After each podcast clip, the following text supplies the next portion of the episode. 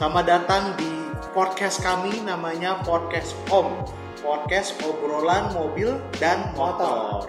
Saya Ivan Ramadana dan ini ada kolega-kolega saya Bisa mulai dari sini. Uh, saya Wisnu, Instagram @sugamo. Nanti kan ada Instagram. Oh iya. Nah, Nggak apa-apa. oh, promosi. Promosi sekalian nggak apa-apa. Ini, ini, ini promosinya. Iya nih, gue santai loh Gue santai loh. Enggak, kan? Deh. Loh, Eh, saya Derry. Dan yang ini ini manusia paling misterius. Iya, misterius Kita paling kece di sini. Siapa om? Om siapa om namanya? Apa ya? Om Benetton. Om Bene deh. Om Bene. Om Bene. ya. Karena Bukan dia Om pakai Gira, baju ya. Benetton. Iya. So jadi eh, dalam podcast ini kita akan membahas eh, isu-isu tren dalam dunia otomotif ya, mulai dari mobil baru, eh, kebijakan-kebijakan dan juga sedikit review balap. Untuk pertama kita bahas mobil baru apa nih om? Yang menarik. Chevrolet Corvette sih Wah, pastinya. Corvette Corvette terbaru. Iya, C8. C8 yang C8. desainnya eh, posisi mesinnya nggak di tengah. Jadi depan nggak? bau-baunya kayak Ferrari Ferrari gitu menurut saya. Karena kan kalau eh, yang nggak tahu Corvette itu kan semua mesin depan ya. Iya. Dari C1 sampai C7 depan. Iya, depan. Jadi ini kayak semacam apa namanya evolusi bukan evolusi, Revolusi. ya Revolusi, breakthrough. Apalagi kita lihat memang orang Amerika itu uh, simple, mereka suka mesin yang di depan gitu kan. Iya, Masih yang depan di- bergerak belakang. Mesin depan belakang. belakang. Nah, ini dipindah ke belakang dan menjadi kayak mobil Eropa, mobil Eropa, gitu. Supercar Eropa. Nah, apa itu tuh eh, kalau misalkan gue boleh apa ngomong ini bisa dibilang ini nggak sih apa salah satu cara apa eh, Chevrolet buat naikin brand image Corvette Di, Ya, apa, bisa di, di market di market lain. Soalnya kan sampai sekarang apa Corvette masih di apa masih disebut apa apa eh, car. Oh, muscle Muscle car. car, masih Iya. muscle car malah. Apa apalagi kalau lihat proporsinya kan proporsinya klasik banget dari dulu tuh. Bonet panjang Bonet buritan buritan buritan pendek. buritan pendek. Sekarang diganti. Terus kalau misalnya apa siluetnya apa eh, pada lihat siluetnya kalau dari samping apa tanpa ada lamp apa bentuk lampu depan sama lampu belakang itu It's uh, pretty much the same, I guess. Oh, or about the same that uh, it looks a bit like a mishmash of European mid- mid-engine sports car. Iya, iya. From, from McLaren, uh, apa itu yang namanya kayak mesin McLaren, X? Ferrari. MP4-12C. Iya, iya, MP4 dash 12C, terus 12C aja. uh, terus uh, apa Ferrari dari 430 430. Malah ya, mungkin ya. 360 kelihatan tuh agak bulat. Bener-bener 360 tapi desain dep- apa dipertek dipertajam gitu loh desainnya. Nah itu ya. Nah itu yang, bikin marah kan karena itu ya jadi orang-orang tradisional Corvette nggak wah ini bukan Corvette lagi nih Iya. udah jadi mobil terlalu keropan mesinnya tengah juga gitu tapi menurut saya ya ini evolusi yang bagus ya revolusi. revolusi yang bagus buat evolusi Revolusi yang dan, dibutuhkan. dan ini murah banget kan Ya. Around- Tanda kutip. Around- kutip di Amrik ya kalau ada penonton yang di Amrik 10 ribu dolar Sekitar 60 ribu dolar itu kalau di kurs berapa ya? Berapa? satu 60 ribu dolar. Let's say hampir satu miliar satu sama lebih ya Nggak, nyampe. 900 800 850. bahkan Itu- bahkan itu- 800 ini something ini juta. versi standar loh versi Iya. standar mendapatkan mesin V8 Eh, 6200 Iya, 6200 cc. berapa horsepower tuh gede kan ya Eh, 490 ya 495 ya jadi best best back for best back for for ya Makanya. Sumpah sih kalau kata gue bilang Corvette C8 itu apa ya? Itu bakal jadi ini sih super car killer sih. Dengan harga segitu, performa begitu, cuman gue nggak tahu nih feeling kendaranya gimana. Kita mesti lihat-lihat dulu sih. Ya. Apakah apakah apakah dengan apakah dengan konfigurasi mid engine itu karakteristik masalnya bakal hilang? Soalnya gua gua akuin banyak orang yang suka Corvette itu karena ya karakteristik dia itu lebih kayak ya ya ciri khas American muscle. Nah setelah setelah ganti setelah ganti konsep mobil ini apakah apakah ciri khasnya bakal ganti jadi lebih agak ala ala sport car mid, mid engine atau atau somehow Corvette masih bisa eh ini masih bisa apa menjaga masih bisa menjaga karakteristik khas masalnya Sebenarnya kan kalau ini Corvette yang lama ya. Buat yang nggak tahu kalau di Amerika kan Corvette itu sebetulnya mobil apa eh, parubaya. Iya, baru bayar. Jadi yang beli itu ya orang-orang tua. Jadi mereka agak jadi Corvette standar ya, bukan yang versi ekstrim kayak ZR atau ZR itu biasanya itu agak lembut gitu. Jadi kan orang tua suka yang agak lembut. Nah, kita lihat nih apakah C8 terbaru bisa nggak mendapatkan kompromi lah di antara lembut dan sporty-nya itu. kenyamanan dan kenyamanan dan feel sporty Tapi dengarnya emang ya kalau 60 0 ke 100 tuh di 3 detikan ya, jangan-jangan. tiga detik satu saya Tiga Tiga, detik, tiga detik, tiga detik. No, no. oke udah buat, buat mobil yang di Amrik di bawah satu miliar. Tapi tapi dari dulu tahu masuk sini masuk sini ya Nah. pasti ini tapi gini meskipun katakan masuk sini mentok-mentok dua lah yang Iya. sama pokoknya udah posisi on the road lah udah siap pakai gitu kan paling Kalau- dua lah Oh, iya. kalau kata gue bilang sih antara dua setengah sampai tiga dibanding kita beli yang misalkan 458 yang Oh, apa yang lama kan juga Yang segitu lama, juga kan sekitar mending ya. yang baru Eh, jangan lupa kita address elephant the room. Jadi sekarang Corvette sedia dalam setir kanan. oh iya Yes. Jadi tidak hanya untuk orang Amerika aja sekarang orang Inggris, orang Jepang, orang Australia dan mungkin orang Indonesia juga bisa. Indonesia juga Bisa. Indonesia juga bisa asal ya, ya itu you know lah Eh pajak 300% ya? Kayaknya. Eh 300%, 200 ya? So, sorry, 200. 200. Jadi ya dua Silakan tapi mungkin kamu aja sekitar sendiri 3 M. Tapi misalkan.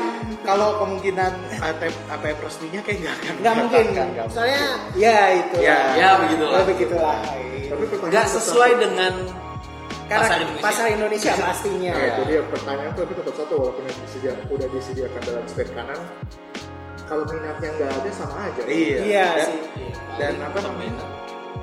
iya yang benar-benar paham paham aja kalau buat kalau buat regular people sih ya paling kita nyari SUV MPV seven seater ya that's it Iya, betul.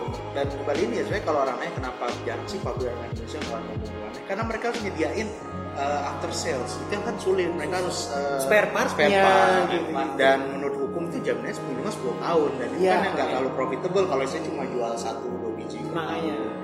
dan emang marginnya kecil kan lebih untuk ini seperti tapi ini Iya. uh, menarik ya kita oh iya saya dari tadi ngomong sebenarnya dari dulu kan Corvette kemarin sebenarnya ada di build- quality ya. Bukan jelek tapi uh, bukan spesial banget untuk sports car atau supercar.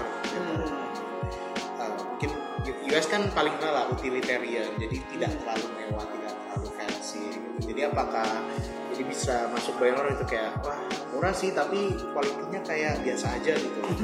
Saya rasa enggak sih ya karena Nah, nah, kayaknya dengan harga segitu tetap ada yang dipangkas orang pasti bakal masuk akal misal kayak ya. Lah what are you expecting from a, dari mobil harga 60 ribu dolar? Apa sih yang lo harapin? Kalau misalnya kayak beli McLaren yang harga 100 ribu something tapi dalemannya biasa-biasa aja. Nah itu baru nah berharap baru. Soalnya ya dengan harga 60 ribu kalaupun build quality-nya eh, nggak spesial kayaknya masih masuk akal sih kayaknya ya itu berarti trade off-nya adalah mungkin di performa kali ya. Iya, iya, seperti apa kayak gitu gitu kesempatan buat memiliki legenda. legenda salah satu lah. Corvette kan salah satu mobil merek yang inilah. ya model bukan merek. Oh iya, Oh iya, model. model sorry, sorry.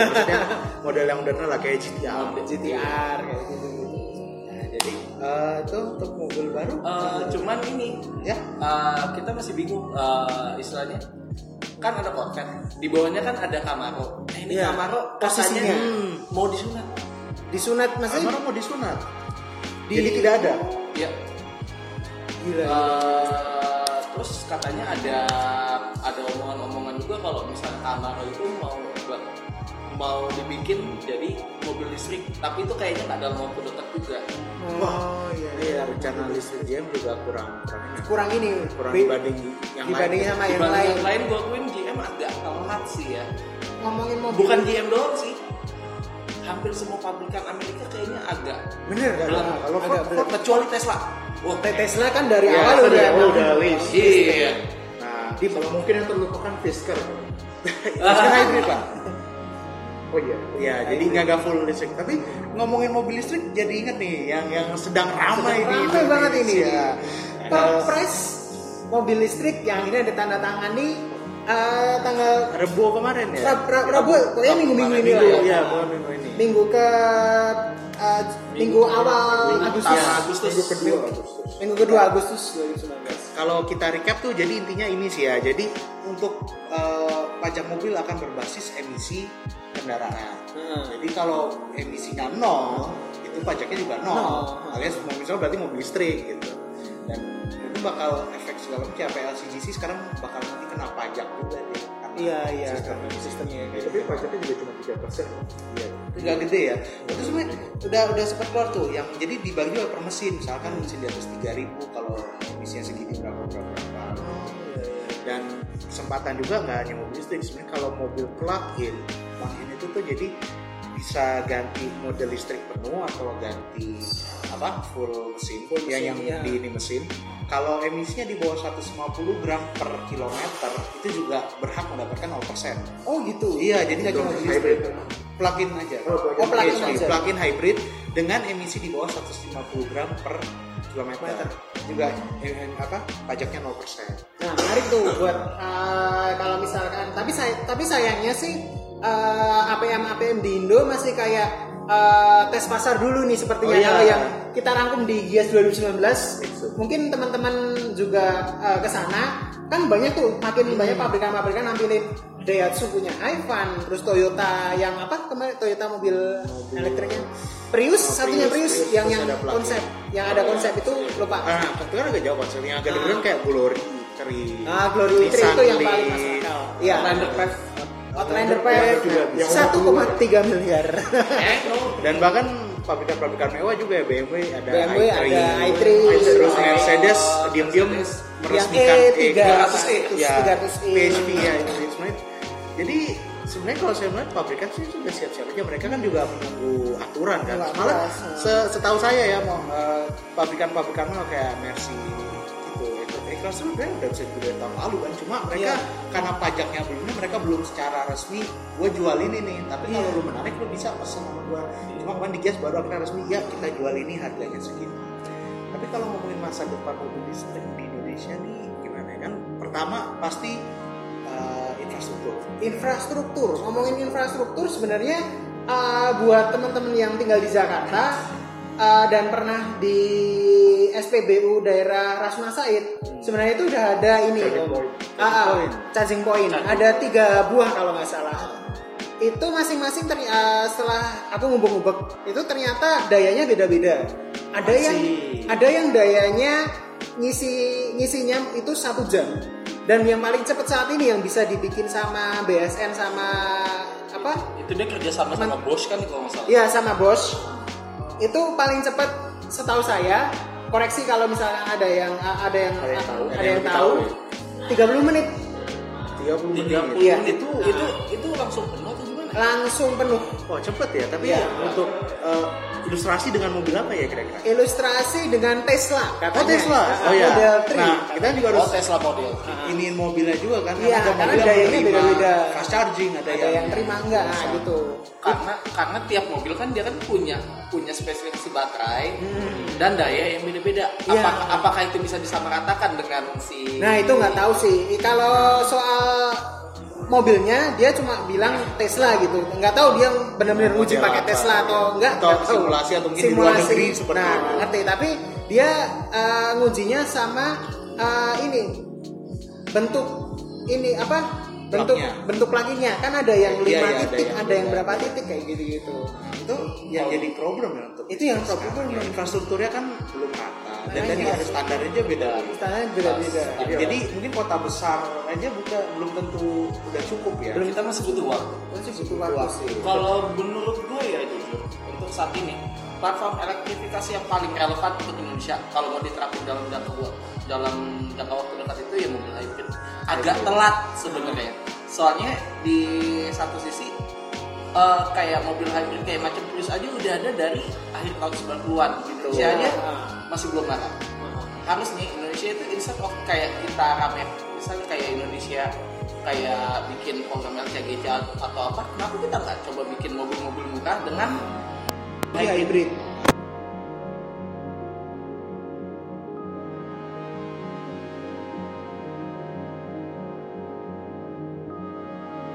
Kalau misalkan ya itu kalau misalkan salah, ya bilang ya. Oke oke oke. Bilang. Ini yang belum tersenyumnya plug-in hybrid ya. Iya. Ini mobil hybrid itu kan benar bukan based on the board work ya, tapi setengah-setengah ya. Cuma sayangnya masalah plug-in itu mahal. Hmm. Mahal, lebih mahal daripada hybrid reguler. lebih mahal daripada hybrid reguler. Karena memang bagus karena uh, bisa dan tapi bisa range anxiety itu nggak ada. Jadi kan kalau kita sebuah keluar kota buat bisa kita deg-degan. Iya, range anxiety. Iya, mau ngasih kapan? enaknya enaknya plug-in Eh, misal kayak baterai mobil habis itu itu dia tuh bisa ngisi sendiri misal kayak dari dari mesin dia bisa menyuplai tenaga ke baterai kan Ya.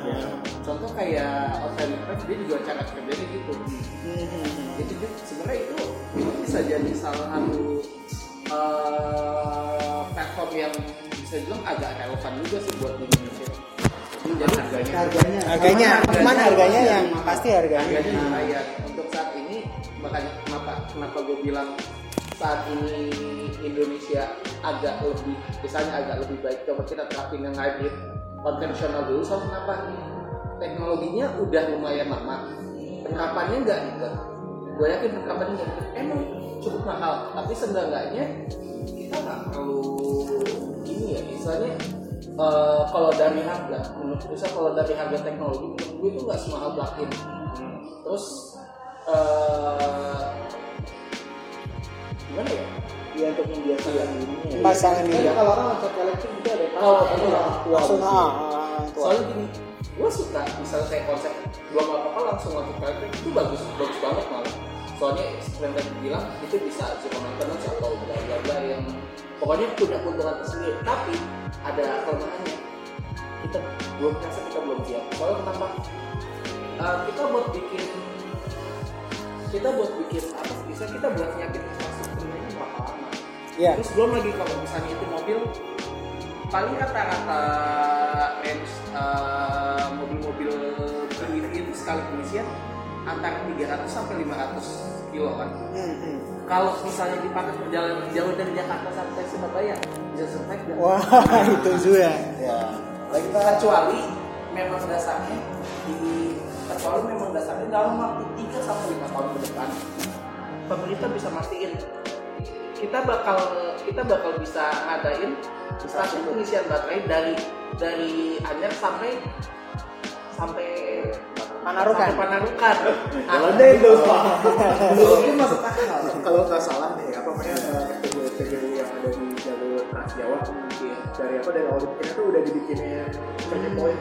Oh, Masalah iya. Iya. Dari Bagus, apa? ya. Dari Bagus. cerita teman-teman gue yang udah apa pulang-pulang buat lewat eh, apa lewat tol Jawa katanya sih katanya udah nah, makanya gue menarik sebenarnya sih ini itu bagus gue suka konsepnya kalau misalnya memang pemerintah siap pemerintah langsung siap langsung ngejarin nih infrastrukturnya udah bisa gue bikin.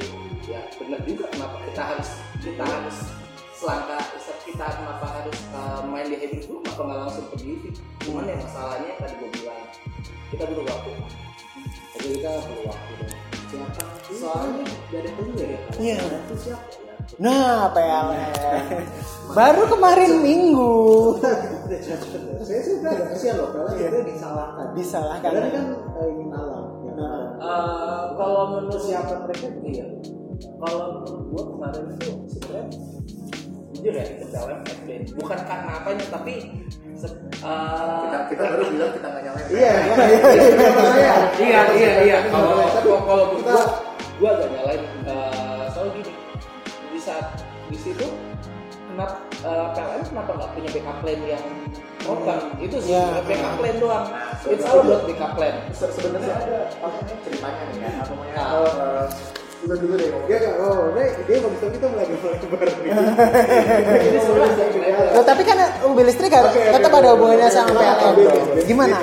Beda. Om Ben gimana? namanya kemarin itu soal eh, pasokan listrik buat apa Jawa doang atau seluruh Indonesia kan ada apa ada dua jalur.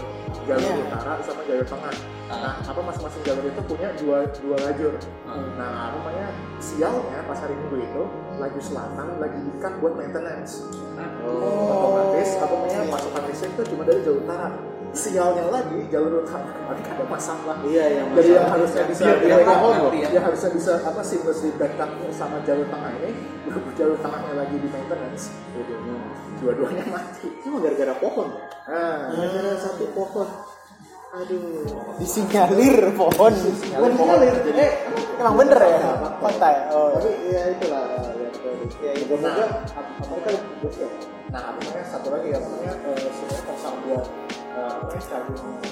kendaraan listrik ini nggak cuma mobil mobil tapi sebenarnya punya namanya Ya. uh, umum nah apa namanya eh, cuman eh, kayak apa kayak aja mungkin eh, kalau misalkan di apa Jakarta Jakarta dulu deh yang paling mikronya ya kita ngomong mikronya kalau misalnya Jakarta harus mau bener-bener siap buat mudik kayaknya PLN backup line-nya nggak apa eh, backup line-nya harus lebih dari lebih Pastinya. Iya. Soalnya buat tiap-tiap kendaraan kan beda ya. Eh, misalkan mobil mobil mobil saat ini Tesla sama apalah Outlander kayak itu pasti beda kan. Makanya kalau gue sendiri berpendapat eh, untuk saat kondisi saat ini banget mungkin kita bisa mulai dari motor listrik dulu pak. Motor listrik. Iya. lebih relevan. Lebih relevan. Jadi katakan kan jaya gimana pun juga motor tuh nggak bukan untuk kendaraan jarak jauh ya. Paling cuma buat kompleks atau untuk ke kantor lah. atau paling jauh yang ngiterin kota Ngiterin kota Iya. gitu. kita nggak bakal akad kalau bawa motor pegel soalnya Makanya. siapa bilang nggak bakal Eh, oh iya, iya, iya. Ini kayaknya bakal nanti pakai motor listrik. ini kalau ini kalau ini kayaknya ini jiwanya udah jiwa touring. Iya. ini jiwa touring. Mungkin depannya juga bisa nanti kan ada SPLU di Spanyol. SPLU. Bisa motor ya. Nggak bisa. Itu Malaysia, Malaysia. Oh, dicari dua di Iya, jalur biasa juga ya. Itu di bakal dibikin dua lajur. Kayak apa kayak di apa tol yang mau ke Bali itu. Iya. Pak. Pokoknya nah apa tolnya itu eh, selain ada tol jalur yang buat mobil, ada juga di samping ada di lajur yang buat motor. Ada minimum cc-nya nggak yang boleh lewat situ? Kalau dari foto yang gue lihat sih kayaknya nggak ada biasanya itu bebek yang lewat. Mungkin yang dari Bali bisa komen. Aduh, ya Bali di Oh iya komen. mungkin yang dari Bali mungkin kebenarannya bisa bisa Iya. bisa. Soalnya gini loh, eh sorry itu saya bukannya eh, kita ngejudge tapi ngelihat perilaku kendara apa pengendara motor di Indonesia eh, yang punya cc 200 eh, cc 200 ke bawah, sorry itu say perilakunya ya, ya silakan komen sendiri. Dan yang kalau misalkan cc 300 ya 200 ke atas pastinya udah tahu gearnya udah lengkap kayak Om Ben kayak gini. Di bawah masih ada ini apa sepatu boots kayak gini gitu. Nah, tapi kita ini kalau motor sih The Seats, ya, itu. Dan pengembangan motor kan lebih murah daripada pengembangan. Pastinya. Jadi Oh iya. siapa tahu, Oh iya iya Oh iya. Bisa cek di googling Kita lihatin ada dulu. Agak susah nanti googling aja. Kita tuh lagi nyetir, Nah. jangan Google. Iya. awas justru Nah. Terus ya ya itu saya bilang industri uh, motor itu mungkin bisa kemarin kita punya merek motor Indonesia akhirnya itu udah ada beberapa. Ah, ah. terus sama ini ada juga Fiat Oh iya, Iya, VR. Juga jenis eh Motor. Udah, udah ada. Udah Q1. Ada. Dia ada Wah ketahuan nih, mobil dulu nih udah tahu. Oh ini biasa.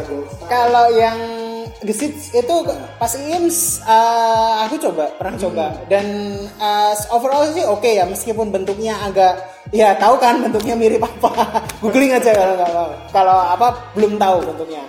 Tapi ini yang jadi komentar adalah ketika gesits ini berakselerasi dari apa posisi apa low RPM atau eh, low RPM bukan nol ya low RPM ke nge- ngegas gitu sempet ada nge-lag dua atau tiga kali jadi kayak di gas ngeng kayak gini mo- mo- motornya tetap lamban kayak gini Tapi itu sebenarnya safety feature. Apa? oh itu safety feature ya beneran. Soalnya oh iya gini apa namanya motor listrik itu eh, menyalurkan tenaganya beda sama IC. oh gitu IC ini kan harus apa buat menghasilkan torsi kan harus apa ada apa RPM itu ya. Iya, pokoknya ada apa sak blow bank something something. Nah. Nah, apa itu semuanya kan eh, mekanis. Ah, butuh, ah. butuh waktu. Sedangkan untuk motor listrik torsinya instan. iya iya oh iya yang tipikal mesin listrik. Nah, coba apa namanya orang-orang yang nggak biasa yang nggak biasa bawa apa motor listrik torsi apa torsi instan itu disuruh bawa motor listrik. Mereka buka gas loncat kan motornya. hmm iya iya paham make sense make sense Prototype. Ah, ah, ah. Tapi itu bisa safety ya. oh safe safe Kenapa nggak cek ke gestit? iya Nah, tapi kayak Om Benny kan tetap. Tapi kalau uh, sebelum sebelum akhirnya dia kayaknya udah Oh iya. Iya, itu di VR sih Seeds eh, apa ya? Dari IMS baru belum ada kabar. Nah, Oh iya. Tapi for another day ya. Oh bisa spesifik motor menarik nih soalnya ya Indonesia kan negeri motor gimana pun juga. Pengguna motor pun juga. Pengguna motor lebih banyak. Itulah karya. Oh ya ini uh, mungkin terakhir ini ya apa uh, so, ngomongin soal motor Mandalika. Ah, Ah, MotoGP belum 2021 belum ada kan langsung jauh ya gimana gimana gimana eh, untuk masa ini sebenarnya bagus itu juga. Yang diharapkan itu Indonesia menjadi basis produksi mobil listrik. oh iya Kita udah menandatangani mobil dan motor. mobil dan motor Luar negeri yang lebih ini mobil ya. ya Nah, tangani biasanya no Australia, free trade intinya bebas aja. Jadi kita pabrikan-pabrikan bisa merakit mobil di sini. ya Ekspor Australia, ekspor ke Asia. ya Ini ini bisa ya, jadi tadi mau buat Hyundai Hyundai Hyundai dia udah bikin dia udah konfirmasi mau pabrik di Dan- Indonesia. dan katanya itu pabrik itu bakal di planning buat jadi basis produksi mobil listrik sampai situ. oh siap siap siap menarik yang, Hyundai yang DFSK juga bilang katanya Glory ini kan lebih nah, cuma Iya. kalau itu ya ya itu ya Asia Tenggara tuh bisa aja kan bisa jadi basis produksi karena kan memang Asia Tenggara basis produksinya DFSK Iya, Indonesia. Indonesia Indonesia. mereka juga bilang kan namanya pabrik mereka yang di di mana gade. Bukan nih, Dari itu udah apa? Mereka sadar dari industri industri Oh, iya. iya, which is sudah apa udah siap buat bikin eh, produksi mobil listrik. Iya. Eh, itu benar. Soalnya teman gua ada yang kerja di industri di dan dia bilang emang benar kayak gitu. Dia, dia sempat ngasih lihat eh, gimana proses produksi di sana dan ya, ya udah kalau Kalau kalau gitu ya tinggal tinggal prepresi. Tinggal prepresinya aja. Jadi, kita intinya positif kita berharap sih itu uh, contoh SPLU yang dia ada di Rasuna Said itu lebih diperbagus lagi. Maksudnya gini ngecas 30 menit kalau satu mobil mungkin atau satu motor mungkin nggak masalah. Kalau antriannya panjang Panjang. berapa jam yang dibutuhkan? Sebenarnya sih tambah juga kali ya. Iya sebenarnya bukan. Bukan kualitas sih tapi kuantitasnya ditambah. iya. Iya Uh, biar jadi orang kalau misalnya mau nyari uh, Charging station? charging station lebih gampang. Kalau misalnya kualitas kayak kualitasnya bagus tapi cuma ada satu doang iya sih benar-benar sepakat. dan dan nggak cuma SPBU ya mungkin bener mall atau tempat parkir pekantoran misalkan kayak kita dia ada di kantor ini. Uh, Taman. ada. Banyak. Ada tempat-tempat kayak gitu tuh bisa kita jadikan kayak charging station atau apa. Sebenarnya Tapi emangnya eh, yang perlu nih memang nggak cuma mobil ternyata apa? Motor tuh? Kalau butuh daya yang nggak sedikit. Soalnya Oh iya. Ada yang sedikit. Nah temen gue bawa apa bawa motor eh, Zero Zero DSR buat review DSR apa DS apa tahu dia. Eh, bawa buat review dan dia apa pakai di eh, apa kan disediain apa akomodasi di hotel itu di hotelnya itu di, daerah Bogor atau Bandung gue lupa kebetulan ada charging point buat mobil motor listrik. Oh. nah dia nyolok begitu dia begitu dia nyolok listrik satu hotel mati.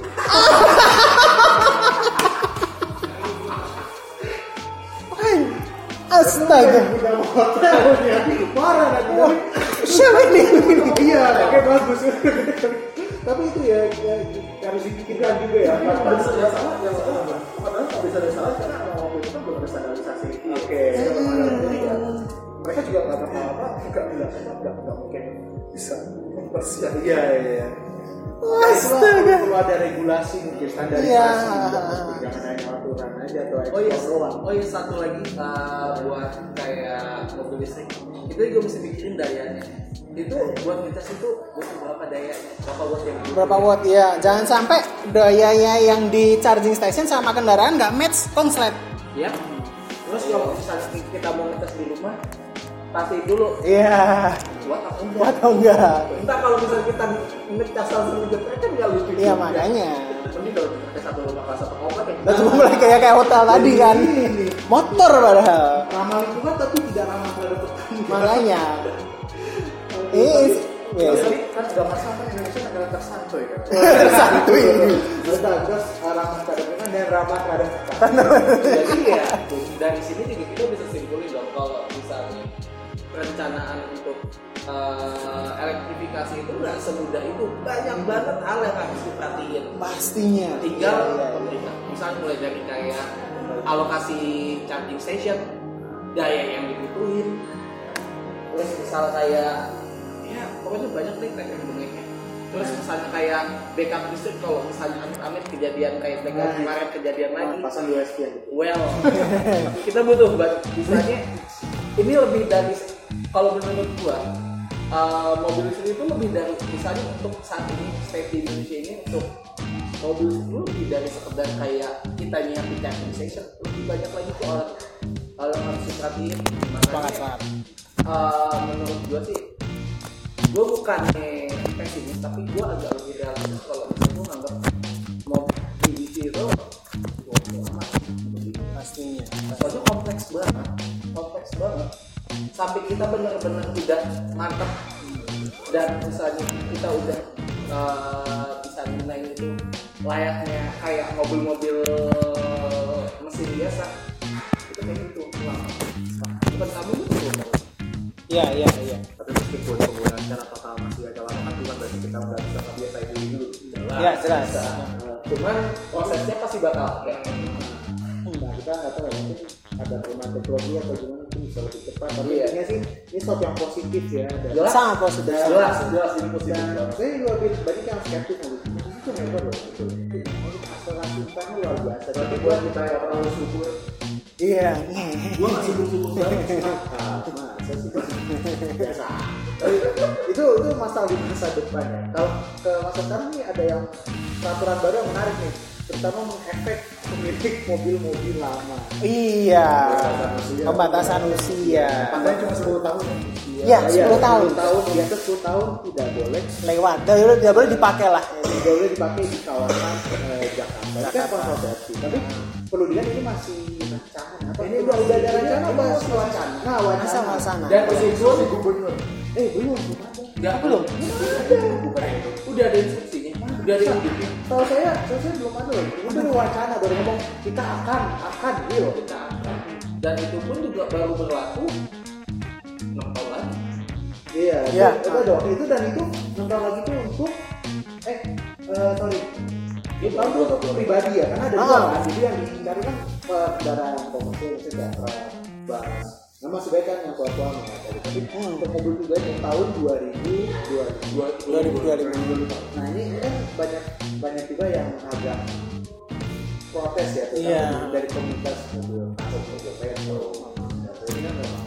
Cuma kalau menurut saya ya eh, masalah pencemaran yang menurut tuan mobil itu beneran ada di Jakarta. Kalau jadi sebetulnya eh, segala upaya dilakukan untuk me- me- Oh, iya. mengurangi emisi itu bagus.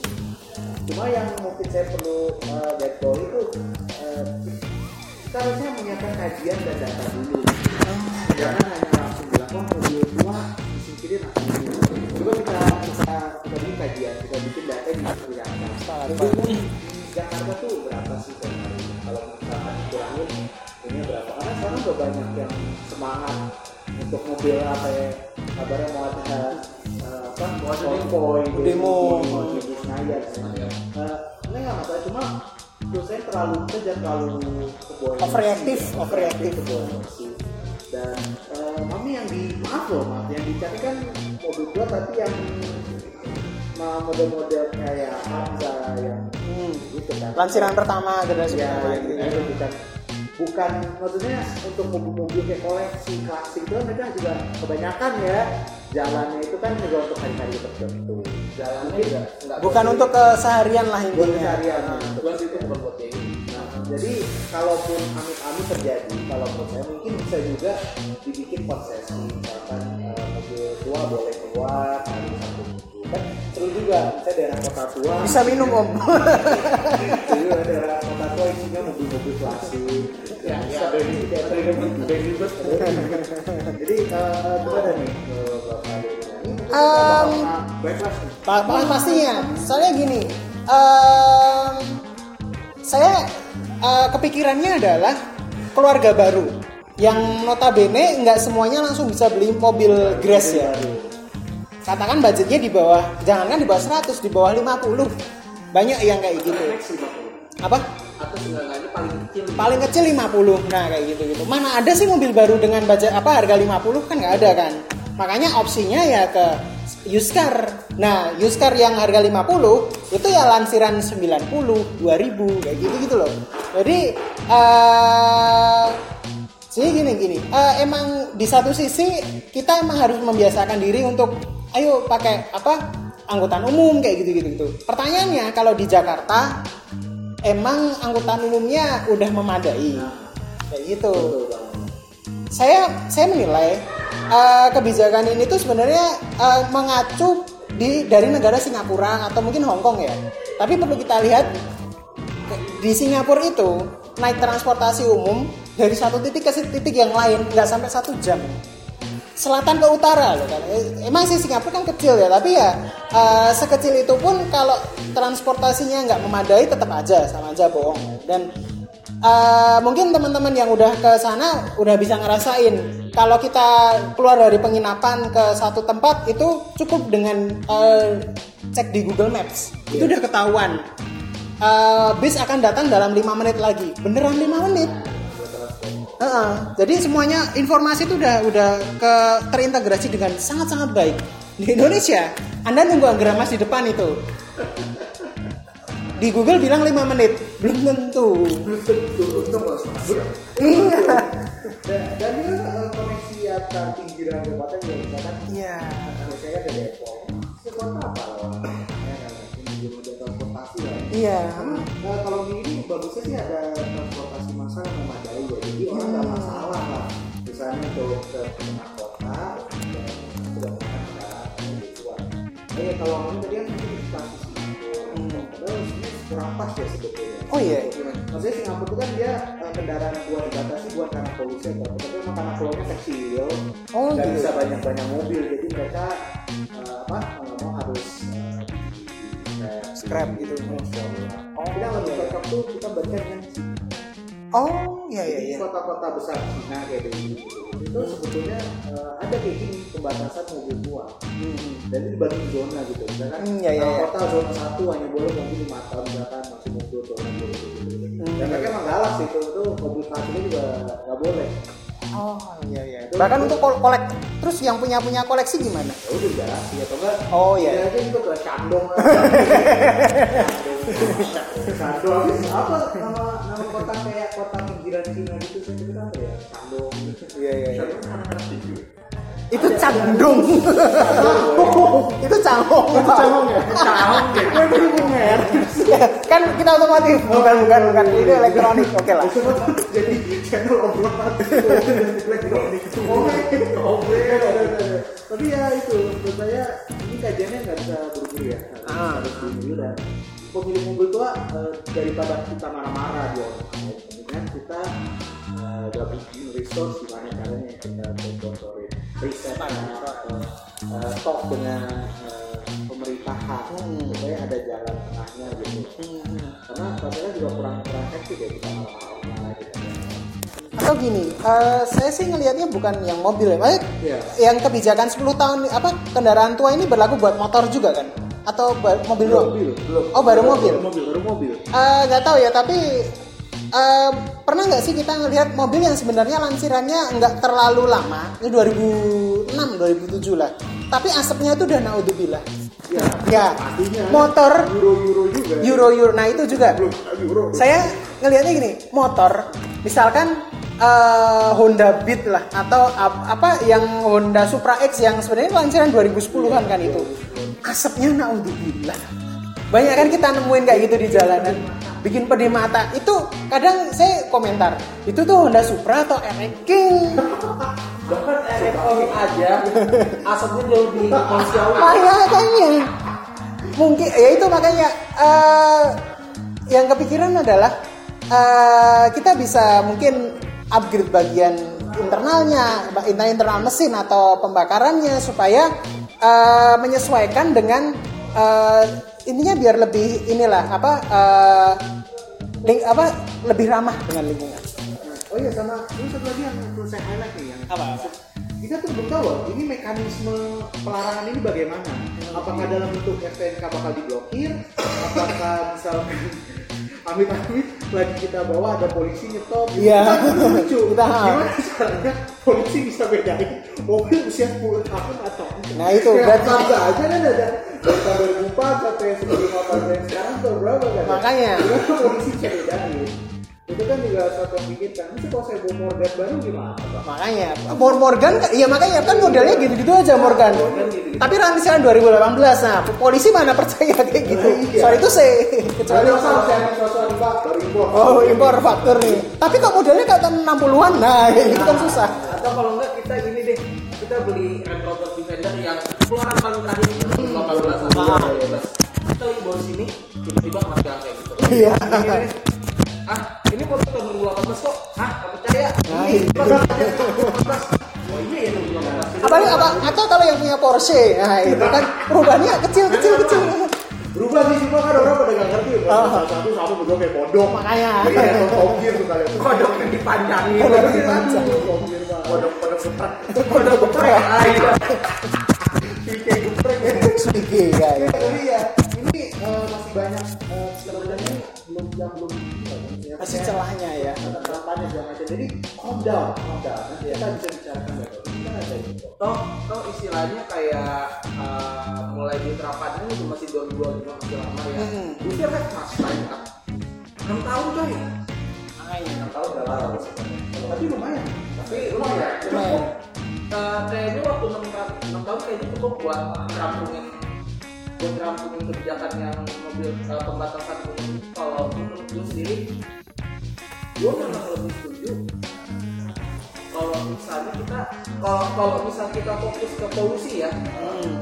kenapa kita nggak kenapa kita nggak kencangin itu yang namanya ini yang apa kenapa kita nggak nggak genjot eh, elektrifikasi kita coba dari ATPM sama dari dari ATPM sama pemerintah kerjasama buat bikin kebijakan kebijakan. Mau penas listrik. enggak enggak.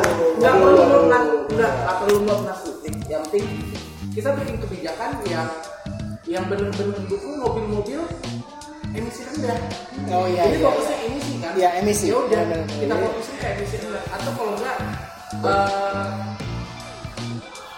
mobil perlu untuk eh, uji emisi setiap dua tahun sekali bisa juga nyangka di situ di situ ya iya. Kir ya ya Iya, ya. di situ kita bisa lihat kalau eh, di situ kita bisa lihat tingkat emisinya berapa dan untuk pajak kayaknya enakan di- dikenain berdasarkan emisi. Iya bisa juga dan mungkin makin tua makin mahal sehingga ya kayak di Jepang kan begitu Iya. sehingga mobil-mobil yang tersisa itu emang mobil yang orang buat dia koleksi Hmm, hmm, hmm. Dan dan itu dan jujur ya, mobil terurus ya mobil terurus dan Iya. Mampus nih hari nah itu keluar tahun sekali kan. terurus kan? Terurus kan? Kalau udah jalan keluar keluar. Pintu garasi. Iya, ke pintu garasi. jadi ini kalau ini keluarnya kan lagi mogok tapi eh, ya itu ya jadi eh, masih ada waktu lama kita bisa waktu untuk mikirin segala banyak hal kok yang sebenarnya banyak hal kok yang bisa kita kapung untuk untuk mendukung buat ini kan buat mendukung kayak penurunan emisi di Jakarta karena gua akuin gila Jakarta udah banyak. Oh iya. ini kan itu planning bersama juga ya. Iya. Kan bagus sih akuin konsep- eh, kebijakannya bagus eh, langkahnya bagus. Cuman kayaknya mesti, mesti dimatangin lagi. Karena gua akuin emang ini emang udah waktunya Jakarta untuk benar. untuk ini Dan kota-kota lainnya pastinya bisa menyusul. Tapi Jakarta Besar. udah darurat Sudah darurat. Jakarta udah darurat udah balak banget Kalau teman-teman yang kerja di lantai di Jakarta lantai se- 19 ke atas itu mungkin beberapa minggu ini bisa lihat langitnya jadi putih. Itu bukan karena mendung atau apa ya, itu pure polusi loh. Jam 8 Sebala pagi gitu, sebala sebala itu, iya. Senang karena suka nonton dia terakhir. Ya, Saya berpang dong. Seru Mbak. Kita Jangan sampai. masa depan kayak gitu serem Jangan serem banget Mobil 2019. terbang. Ya, mobil terbang, mobil terbang kan belum ada. Anyway. Macetnya, macetnya di jalanan. Oh iya. Anyway. Maksudnya pindah dari bawah ke atas. Tapi kan sebenarnya kan lu bisa terbang 10 meter di 5 meter. Iya. Aduh gila. Udah udah udah balik balik balik balik. Eh, jadi itu kalau masuk ini ya untuk kita ngomongin dari belakang Iya. kita lihat ke masuk ke motorsport Iya, motorsport. Nah, Segway. Jembatannya apa? jembatan ya jembatannya gimana Ya, sudah. Polusi jadi motorsport tuh bebas polusi loh Nah, motorsport berapa polusi? Ya justru, ya Formula E. Racunnya. Formula E sih Iya. nanti karena Formula E. ini podcast pertama nanti kita Oke oke edisi pertama dulu ya oke kita eh, lanjut ke motorsport jadi Iya. apa nih sama apa Eh, yang terkait dengan polusi itu Formula E dong, Jakarta. oh iya Iya nggak mas ya. sebentar aja ya. Mumpung ya sebentar aja.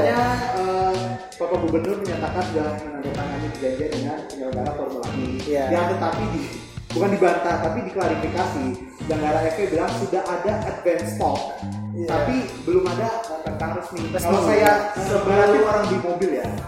Kalau advance stock sih kita udah kayak duduk sama eh, Dealernya. sama siapa? Sama Udah mau tanda tangan SPK. Iya. tapi belum tanda tangan. Jadi masih belum belum belum finish gitu loh. Kira-kira begitu. Ya kalau untuk Formula E Jakarta, Inggris Jakarta itu tunggu ofisialnya. Kita tetap kita tetap kita tunggu ofisialnya aja. Meskipun gambar-gambarnya udah keluar ya di sub dan menyatakan oh bakal di tempat ini di Monas kayak gitu gitu. Ah, itu Take a green of salt. Jangan percaya, dah. Berarti Monasco dong. Iya Monasco. Iya. Tapi lo lo sering ikut Monasco lo ya? Iya, ini kelihatan nih. Oh, Lu pakai begini. eh, tapi kalau ngomongin FP ya, kita harusnya uh, penyelenggaranya. Kita belum tahu kontrak penyelenggara di sana juga.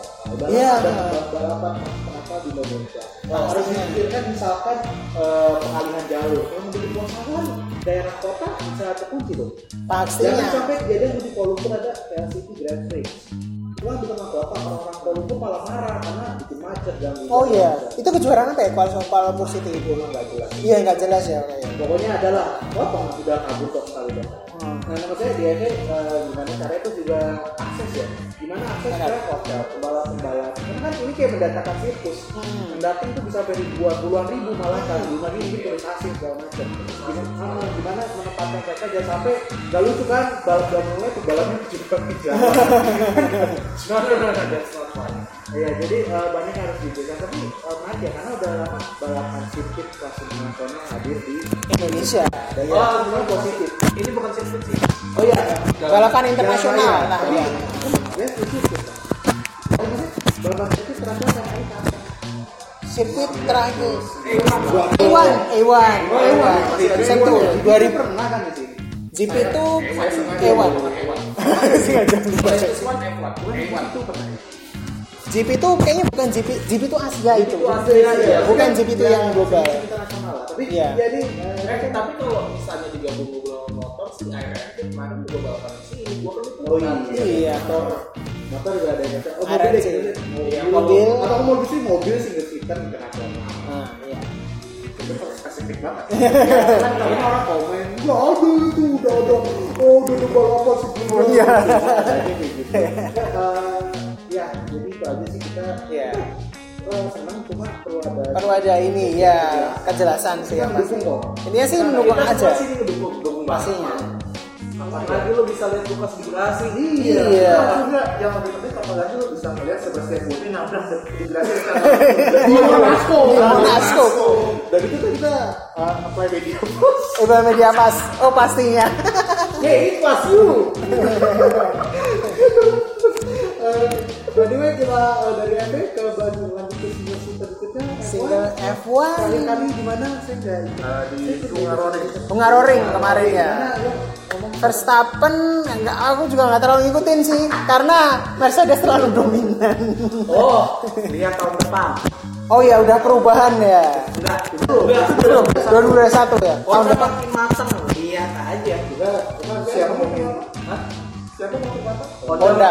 Honda. Lihat aja. Sepakat, sepakat, sepakat. Harusnya ngomongin hasil balap kok jadi ngomongin nggak apa-apa. Udah banyak hasil balapan bisa Hasil dicari. udah banyak sih. F2 gimana kan F2 support Asia. F2.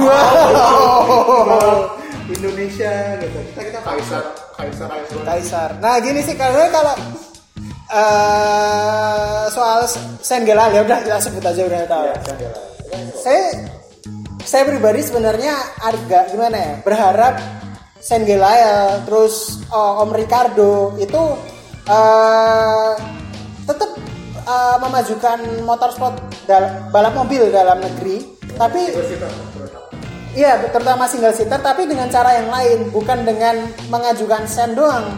Mungkin bisa bikin akademi, jagonya ayam akademi racing atau apa. Knows? Kita nggak pernah tahu talenta-talenta balap Indo loh, serius. Tapi kalau saya mungkin Iya. Saya, saya, saya kebetulan baru ngobrol dengan salah satu balap internasional. Oh iya. Saya nggak mau nyebut nama lah. Iya, iya. Eh, Intinya kita juga perlu balance apa? eh, Bukan nanti apa ya kayak spiritual. Udah spiritual belum sih? Kan mandi agak-agak ini kan hasil dari Inggris. Ah. Ada marah ya. Ah, yang ini ya. boykot nggak ikut. ha. itu kita belum boleh yang ada cuma mungkin untuk profesional sendiri harusnya bisa lebih harus menjaga itu Menjaga itu. Walaupun sebenarnya kalau kata gue bilang alasan kemarin jadi penalti di Inggris ada. agak aneh ya Ad- bukan agak aneh malah beneran aneh Malah beneran apa coba maksudnya Tapi- tapi sebagai seorang pembalap profesional you have to do shit di sana harus melakukan sesuatu even kondisinya itu shit. Iya pastinya. kalau lu, lu balapan gak ini? Tapi kalau lu bisa ikut ikut dan akhirnya lu bisa buktiin kalau orang itu lu itu bisa lu mau nge-band lu ya itu agak agak bagus ya. Tapi mungkin kita dukung lah pokoknya. Iya. kita balap Indonesia yang roda dua roda Iya, roda empat. ngomong-ngomong balapnya terus di PRC kemarin Oh, PRC kemarin. Iya, PRC kemarin. Kita pindah. Iya, pindah. dari dari aspal ke gravel. Dari aspal ke gravel. Itu PRC ada aspal juga. Dikit pak. Dikit. ya. Tapi Perkebunan kan mostly. Alhamdulillah itu lancar ya, walaupun ada beberapa insiden. Buat yang belum tahu ada eh, ada penonton, dia ketahuan eh, dia membuang air. Dia, dia kan air juga membuang oli di jalan. Waduh. Jadi dengan harapan ya jalannya licin banyak aksi. Jadi kita bisa diamankan dan eh, itu sangat disayangkan. ya. Iya. Karena PRT ini kan pertama kali Indonesia dipercaya gelar event internasional dengan sekali relasi Iya. Asia Tenggara. Dan itu ada ada FIA official karena ada kemungkinan PRT bisa aja menyelenggarakan WRC. Iya. Tadinya WRC di Indonesia sejak tahun 97. Wow. Itu banget. Jadi saya harap sih ya depan mungkin penonton- Bisa bijak lah, bisa Iya, bijak ini lah. bukan orang Indonesia loh. You pikir ngirim oli buat nonton tapi rusakkan Indonesia. Sama ada satu lagi yang kontroversi waktu APC kemarin. Jadi secara ada salah satu TV nasional dia membuat berita kalau ada yang meninggal di APC. Oh iya. Padahal itu berita dari 2015 sama. Oh, Tapi dan kita pun juga kayaknya dari lokal dari lokal bukan apa yang bukan APC. No, no, no. Banget. APC iya itu dari lokal Tapi untungnya ya di hari yang sama kira sore-sorenya memberikan klarifikasi kalau yang mereka berbuat salah ini yang nggak ada ini. nah itu juga yang harus ditekanin ke broadcasting sih ya Semua sih ya. Eh, med- eh, semua media even itu broadcasting ataupun online ataupun kayak media cetak atau apa kita bisa ngejar virality cuman kita harus kita harus tahu apa sih yang kita kejar di sini apakah kita ngejar virality ini dengan memberikan fakta atau cuma sebuah penyesatan doang? Iya, iya. contoh kayak kemarin itu oke gua pun itu langsung viral. Cuman jadinya oh enggak. Itu tuh itu tuh malah jadinya kayak ngasih kayak ngasih kayak kayak misal kayak ngasih sebuah pernyataan kalau ini loh uh, aktif kemarin tuh makan konten padahal faktanya nggak demikian Beda ajang lagi aduh. Cara jelasnya juga salah itu berita dan juga berita palsu. itu nggak Saya bisa tuntut. iya itu nggak masuk tiga jurnalisme sama sekali masuk Jadi ya dan saya bertanya sukses semoga tahun depan kembali menghilangkan. Iya. Mungkin ke depan ya kalau WRC kembali. hopefully Hopefully. gue pengen lihat Ogier terbang di gila itu tinggi banget Aslinya gila. itu berapa meter sih lompatnya Jadi tinggi banget OJ atau orang anak sial lagi. Itu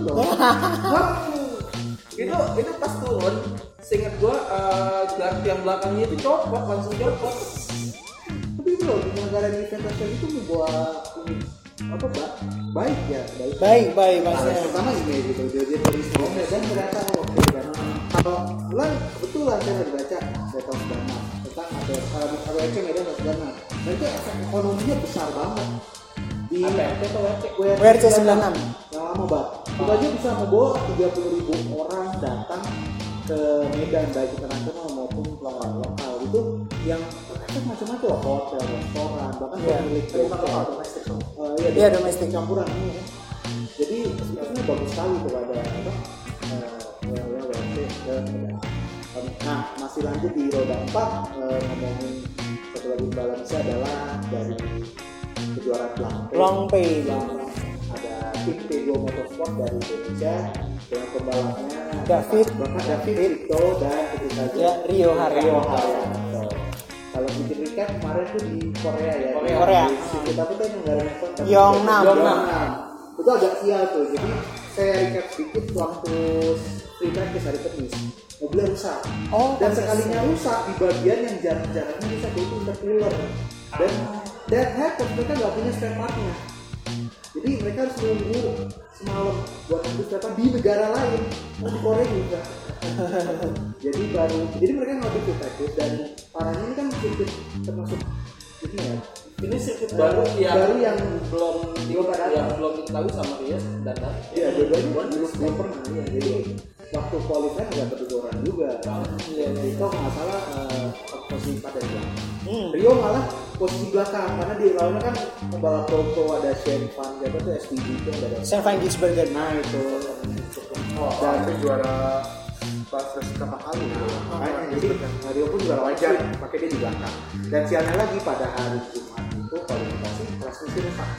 oh Nah double itu. Jadi mereka semalam ngebut satu alhamdulillah bisa race, tapi sayangnya hasilnya nggak maksimal dari satu. Nah, kita nggak ingat karena masalah mobil juga belum apa-apa. Tapi eh, iya, bilang ini menarik ya. Sebenarnya orang pada nggak tahu tujuannya T2 Motorsport ini apa sih. nah dengar-dengar sih mereka ngincar Lemang series Betul. dimulai dari ASEAN Nah, sebelum ke 24 hour of Mans. Kalau kalau saya jelasin dulu gitu. Oh, iya. Jadi uh, Blamp ini sebenarnya kalau menurut David sendiri itu latihan mereka. Jadi Oh, iya. Latihan. untuk mengikuti juga namanya Asian Series. Basically itu kenaikan beres tapi di Asia. Asia. Jadi tahun ini di Cina, Australia, Malaysia, Thailand. Jadi hadiah dari memenangkan juga itu bukan duit, Oh, iya. tetapi undangan untuk mengikuti Le Mans 24 jam yang asli di Prancis. oh itu apa ya Asian ya? Asian Series. Jadi hadiahnya kan lu bisa ikut karena masuk invitation, invitation Mans itu bukan nggak diberikan ini loh, Nggak sembarangan. nggak sembarangan. Jadi antara misalnya si PEC harus juara ILM atau satu satu jadi mereka berharap dari Indonesia nanti siap turun di Mans. Dengan kombinasi pembalap yang maut. Iya. Rio Haryanto kan tiga karena kalau Asia Le Mans kan dia lebih panjang Lebih panjang. Sebenarnya sampai enam jam ada Prince Om David baik miliki uh, Rio Haryanto ratingnya platinum Platinum. karena dia pembalap F1 dia F1. memang dan yang ketiga adalah pembalap factory Ferrari uh, Chris Chris- Christian Colombo. Christian Colombo Colombo, Christian Colombo. itu gold atau platinum ya? Gua Gold, oke. Itu kalau dia factory driver saya besok platinum. Eh ya gold ya, sorry. Ya pokoknya dia peraturannya peraturannya kita bisa masukin dua driver platinum nggak sih? dua pro satu m bisa 2 pro 1 M harus ada M. harus ada m ada M. tapi kalau mau dua m satu pun nggak boleh Iya. Tapi kalau tapi eh, untuk dua pro-nya ini bisa dimaksimalin bisa kayak dua-duanya bisa platinum. bisa aja Oh iya, udah. berarti kalau misalnya ada kemungkinan Cristiano Colombo itu so, eh, dia dia platinum sih kategori nah saya Nah, nah, lupa deh karena ada pokoknya dua-duanya pro dua pro satu amatir jadi mereka ini udah siap ke as- apa siap Asia Lemas itu udah ada persiapan ini. Cuma Asia Lemas sendiri walaupun termasuk kecil kan masih cukup kompetitif. Karena tahun lalu itu kan dimenangkan oleh tim Hargai dari Jepang. Itu Hmm. tim privateer ya Privateer ya. privateer mereka juga lawannya nggak banyak waktu itu cuma Audi Aston dan Ferrari lagi dia ada cuma ada empat mobil tapi ketat dan kebetulan tim Hargai pabrikan eh, tiga pabrikan kan Audi, Ferrari, Ferrari ada dua Nah. waktu itu. Nah waktu itu tim Karga itu menang empat seri semuanya. Wow. Dengan privateer ya privateer ya. balapnya yang ke mana ada Keiko Zolino tuh yang Keiko Zolino. tapi Ah. paspor Jepang ya. Pa- paspor Jepang Dia bisa ngomong Jepang. kayaknya Dia dia bisa ngomong Jepang lucu tuh. kayaknya dilihat dari mukanya kayak Kozolino ini deh setengah setengah setengah Iya, deh. apa? Ah, Blasteran. Kalau nggak salah dia tuh maksudnya udah dua kali tapi lama di Jepang orang. Ah, nggak tahu kalau itu ya. Oh dia bukan di Jepang, dan di Jepang K. K. K. K. Nah. Zolino. Tapi saya di Jepang, tapi Jepang. Ya Namanya sih nama Jepang. Sebelah sih pernah ketemu kan. Oh, ngomong iya. kali ngomong Jepang dan Asi gitu kayak jadi lucu juga. Nah itu jadi tantangannya berat juga nanti karena eh, Kage akan kembali lagi karena mereka udah sekali lemah juga pasti mau lagi kan. Jelas, Pasti eh, kebetulan nanti ada tim Cina namanya Jiangsu dengan Audi. Kita juga belum tahu ada mobil-mobil apa lagi. Tapi ya kita doakan lah supaya Semoga ini, ya. Sukses dan uh, Om Cito nggak hanya jadi orang Indonesia pertama, tapi tim Indonesia Yang pertama, pertama. yang mengikuti balapan emas 24 jam. Udah ada Singapura loh, Clearwater ya. Clearwater Bentar, ya. ya. Nah, kalau Asia mungkin race juga udah ada. tuh. Asia Tenggara, sorry sorry. Asia Tenggara. Asia Tenggara. Oh iya, Oh iya, oh iya. Jaseman Jaseman Jafar, oh iya 2018 benar. Pokoknya tapi buat Indonesia ya. Buat Indonesia ini paling Om Candaan ya. Oh iya Chandra Ali. Gimana tuh? Pakai? Marcos loh. Nggak tahu kan Marcos loh. Marcos. Waduh. Marcos Chandra Ali gue nggak salah. Itu Oh. tahun 98 ya. Wow. Tapi nggak nggak sampai di lemah. Itu ikut balapan WC. Hmm. Kayak WC apa lah nama itu. Iya iya iya. iya. Itu kayak uh, untuk roda 4, uh, roda 2 gimana nih MotoGP?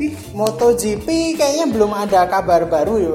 Ah, Kemarin manda eh Kemarin nggak ada review balapan, biasanya kan MotoGP seru. Iya MotoGP tapi tapi yang eh sorry tapi yang kemarin itu cenderung boring sih ya balapannya yang di Mark Marquez di depan terus kayak gitu. gue malah lebih tertarik ngomongin rumornya Lorenzo daripada balapan Ah Lorenzo kenapa? Mau pindah? atau? Nah, apa ini dia? Apa yang lebih seru Lorenzo itu rumornya dari Honda tadinya mau pindah ke Ducati. Uh, tapi Balik. Ducati pabrikan. Oh iya iya Pramak Pramak edukasi asli. Tapi akhir-akhir itu muncul mobil lagi dia sedang mendeketin Petronas Yamaha. Ah gila gila. Mau balik lagi ke Yamaha. Mau balik lagi ya mah. Waduh, duh, duh, duh. ya Ya. gimana ya gue sih ngomentar Lorenzo is a is a good one of the best One of the best. Ya. soalnya kenapa dia itu pokoknya sih bakal uh, kelas dia tuh kelihatan beda banget pas waktu bawa Ducati.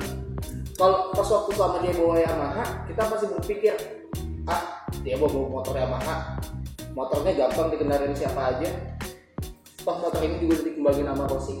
Dia pasti bawa gampang pas pindah Ducati. Struggling banget kan sempet struggling. Banget, banget, tahun struggling struggling struggling.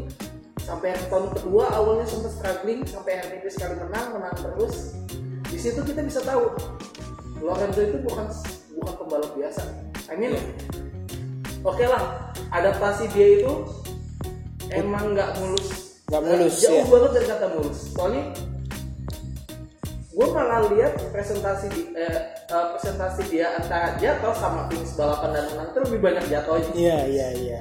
Sa- itu saking saking susahnya dia adaptasi Tapi ini apa namanya kita perlu satu research lah juga di Honda ya terutama. Karena bahkan kalau bapaknya dia bilang Honda itu didesainnya buat Marquez. Honda just being Honda. Uh, apa apa ya Honda itu bisa gue bilang that, that puts their eggs in one basket. Of Marquez of course. Nah jadi Uh, uh, itu itu nggak cuma itu nggak cuma terjadi di era Marquez. Sebelum sebelumnya mulai dari Duhan Rossi Rossi. Duhan Rossi Pedrosa sampai Marquez pas waktu ini tau nggak? Ini pas waktu pindahan Rossi dari uh, dari Honda ke Yamaha tahun 2003 gua tuh sempat uh, baca-baca berita.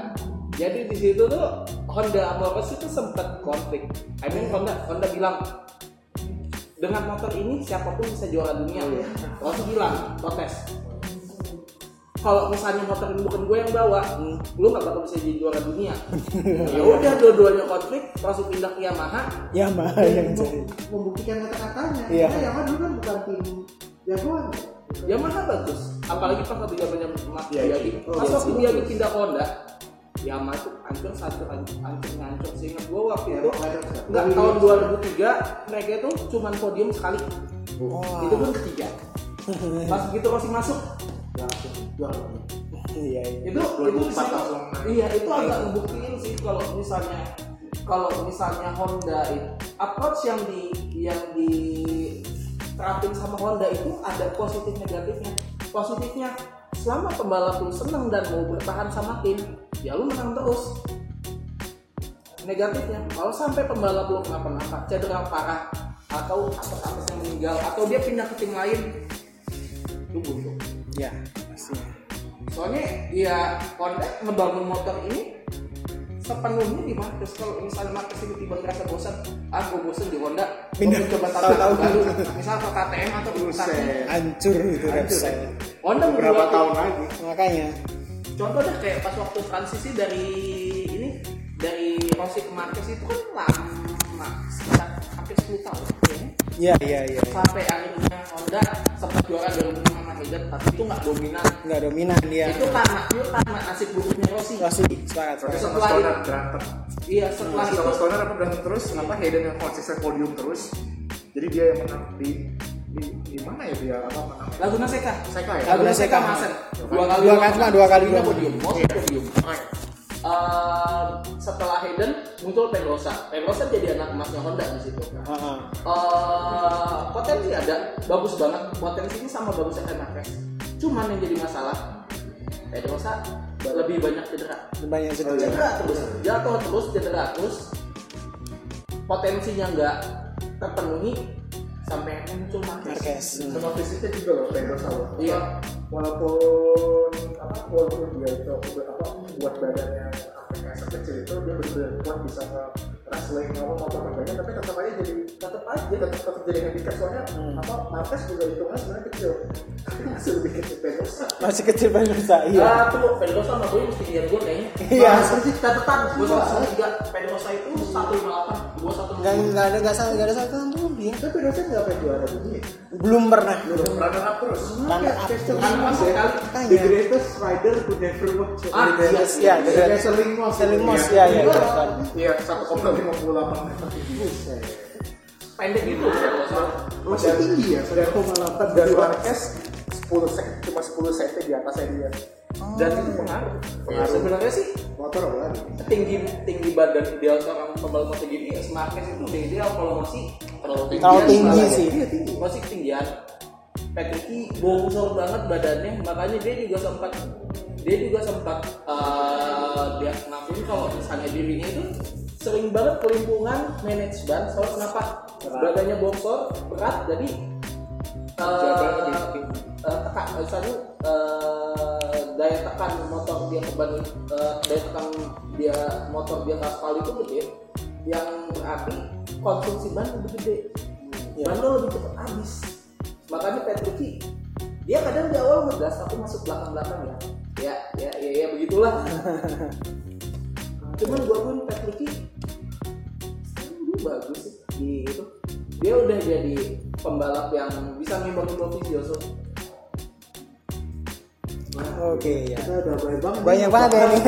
Baru. udah nggak sejam aja nggak kerasa Iya, iya, iya. udah berapa jam? Udah sejam. jam jam oke Dan ya eh, kayaknya itu saja untuk Saja untuk- ya. perdana dan hari ini Nah, mungkin mohon maaf ya kalau ada salah dan kami terima saran dan kritik Iya. bisa di komen dan mungkin nanti lihat apa email kita? Iya. kita dukung eh kita belum email. Jangan jangan disebar enggak pasti nanti setelah Nanti ada di komen, nanti ada di komen. ada di voting kita enggak. Jadi ntar bakal ada video nanti kita bikin woi. audio ya.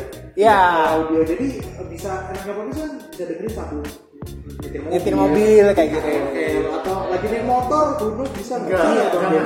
jangan Jangan ya, jangan, jangan. kita mah nggak nggak pernah bawa motor bisa kali ya kecuali motornya glowing ya ada speakernya Wih. Iya.